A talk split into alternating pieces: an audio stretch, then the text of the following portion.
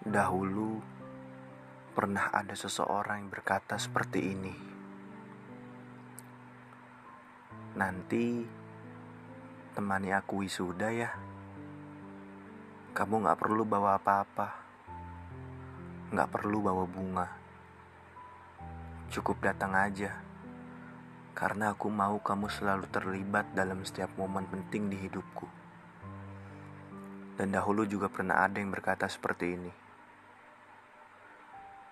Kalau nanti kita berjodoh, aku pingin deh punya usaha yang kita rintis berdua.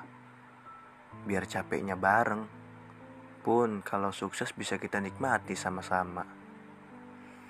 Dan dahulu kala juga ada seseorang yang berkata kepadaku, Aku pingin deh kita punya rumah yang ada lahan kecilnya, supaya bisa ditanami sayuran atau herbal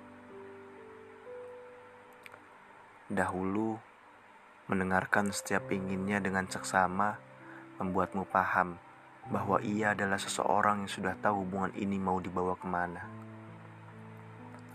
Namun, layaknya mentari yang pada akhirnya membuatmu betah berlama-lama, menghabiskan banyak waktu di tepian pantai.